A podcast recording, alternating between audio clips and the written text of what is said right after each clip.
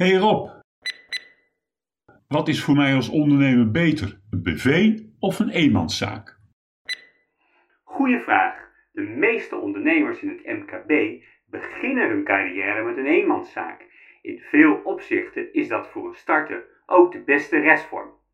En als het goed gaat en de winst groeit tot boven de 150.000 euro, ongeveer, het is een richtlijn, dan kan een overstap naar de BV fiscaal aantrekkelijk zijn.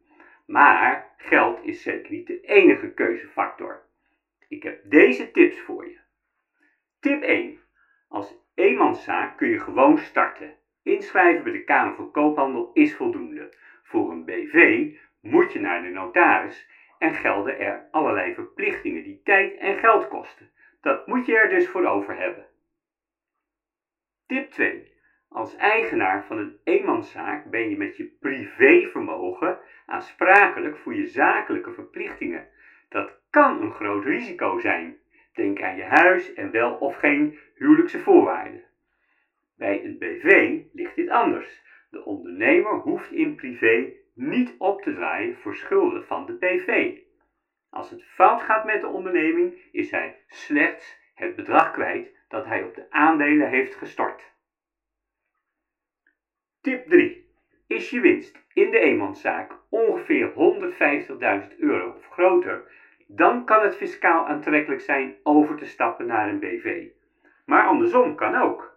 Als je BV hebt en je winst daalt structureel, dan kan het fiscaal gunstig zijn te switchen naar een eenmanszaak. Wij kunnen je met beide stappen assisteren. Tip 4. Qua toekomstvoorzieningen moeten ondernemers in een eenmanszaak, maar ook in een BV, zelf alles regelen. Met als gevolg dat veel ondernemers na hun pensionering met een laag pensioen komen te zitten. En dat wil je natuurlijk niet. Begin daarom bij tijds hierover na te denken en neem structurele maatregelen. Conclusie. De keuze tussen een eenmanszaak of BV hangt met meer dingen samen dan 150.000 euro winst. Dingen die bovendien in de tijd kunnen veranderen, zakelijk en privé. Mijn advies is daarom: bekijk één keer per jaar goed je situatie. Wij helpen je daar graag bij.